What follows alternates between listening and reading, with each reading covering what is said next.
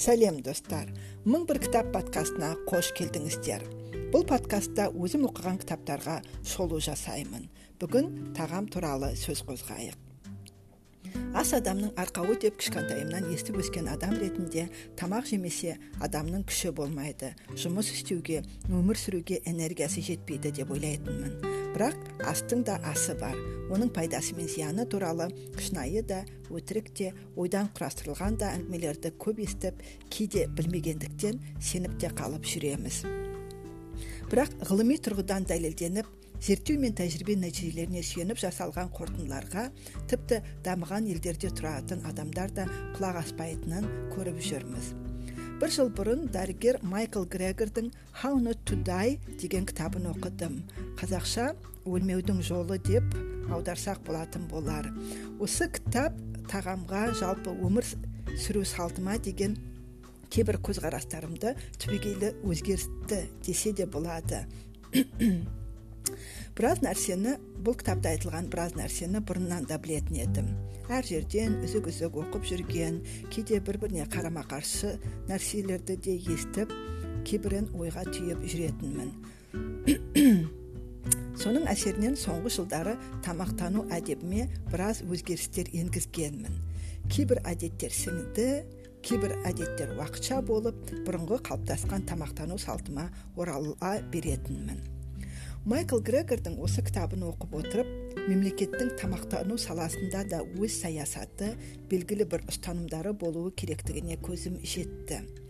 Халыққа саламатты өмір салтын ұстануды дұрыс тамақтануды насихаттауды жан жақты жүргізу өте маңызды екен. Дүниежүзілік денсаулық сақтау ұйымы адам кем дегенде күніне 8 мың қадам жасауы керек. Оған қоса күніне кем дегенде 400 грамм жеміс пен көкөніс жеу керек. Ал қабылданатын тұз 5 граммнан аспауы керек деген кеңес береді. Бұл ақпаратты білгенімізбен түрлі себептермен кеңеске құлақ асуға мүмкіндік болмайды немесе аса мән бере бермейміз. Майкл грегор танымал дәрігер. Ол кітабында адамдардың жиі ауыратын 15 ауруын сипаттайды. Және осы аурулардың алдын алу үшін адам қалай тамақтану керек екенін айтып өтеді. Дәрігердің атап өткен ауруларының ішінде жүрек өкпе бауыр бүйрек аурулары диабет гипертония қатерлі ісік депрессия мен паркинсон ауруы да бар. Ауруды тамақ мөлшері мен түрін өзгерту оған қоса дене шынықтыру жаттығуларын қосу арқылы жеңуге болады дегенге сенесіз бе? Кітапты оқып болған соң мен сене бастадым.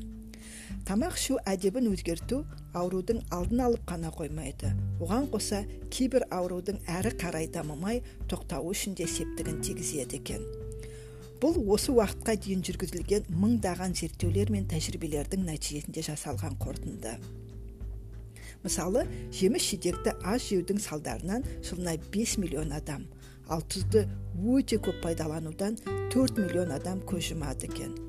Олар тұзды аз жейтін халық бар ма деп іздеу салып амазон джунглиінде мекендейтін яномама тайпасын табады. Сөйтсе әлемдегі тұзды ең аз қолданатын халық екен. Әрине олардың майға қуырылған картоп ащы соустағы тауық қанаттары деген сияқты тамақтардың тамақтарды жемейтіні арақ шарапты ішпейтіні де айтылған. Бұл тайпаның адамдары ешқашан гипертониямен ауырмаған. Ғалымдар неге бар мәселе тұзда екен? Ғалымдар неге бар мәселе тұзда деп шешкен? Оған көптеген мысалдар келтіреді. Соның бірі 1940 жылдары кемпер деген дәрігер күріш және жеміс жидек диетасын ұстатып пациенттерінің жоғарғы қан қысымын төмендеткен. Яғни тұзсыз диета және май мен ақуызы аз өсімдік диетасын ұстатқан. Сөйтіп көп адамның өмірін сақтап қалған. Ол кезде әлі қан қысымын төмендететін дәрілер ойлап табылмағанын айта кетейік. Осы кітапты оқығанға дейін тұзды шамадан тыс көп қолдану қан қысымын көтеретінін білмеген екенмін. Ал сіз бұл туралы білдіңіз бе? автордың деректері бойынша адам тұзды көбінесе ірімшік арқылы алады балалар мен жас өспірімдер үшін ең көп тұз пицца арқылы келсе елуден асқандарға нан ал 20 мен елу жас аралығындағы адамдар үшін тауық етінен келеді екен тұзды майлы тәтті тағамнан қалай бас тартуға болады деген сұраққа дәрігер былай жауап береді бір екі аптаға осы тағамнан бас тартыңыз сонда сіздің дәм сезгіш рецепторларыңыз өзгере бастайды ащы нәрсені жеуден бас тарту үшін негізгі үш нәрсе жасауды ұсынады тағамды дайындап жатқан кезде де кейін де тұз қоспаңыз дайын немесе жартылай дайын тағамды қолданбаңыз. Тұзсыз тамақты көп адам жей алмайды. Сондықтан тұздың орнына сарымсақ пияз бұрыш сияқты дәмдеуіштерді қолдануға болады. Кітап авторы спортпен шұғылдануға және көкөністер мен жеміс жидектерді бұршақ дақылдарын жаңғақ дән жарма түрін дәрілік шөптер мен дәмдеуіштерді мысалы жалбыз қалампыр ақжелкен куркума зығыр сарымсақ зімбір тағы сол сияқты дәмдеуіштерді күнделікті ас мәзіріне қосып отыруға кеңес береді.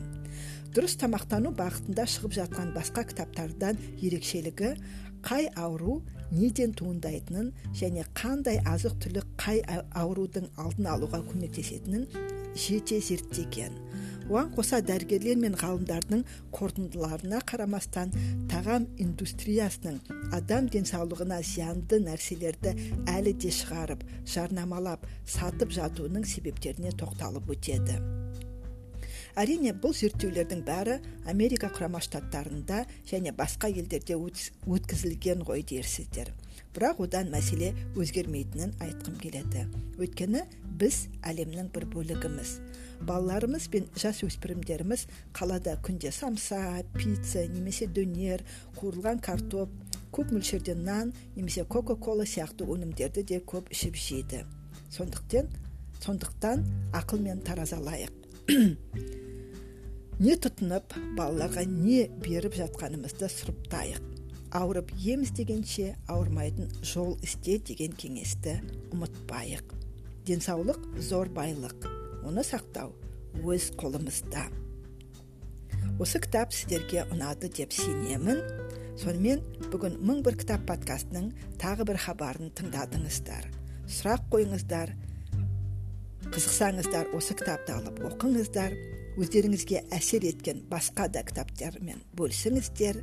Келесі кездескенше күнде кітап оқиық кітап оқудан жалықпайық ойымыз өсіп танымымыз кеңейе берсін.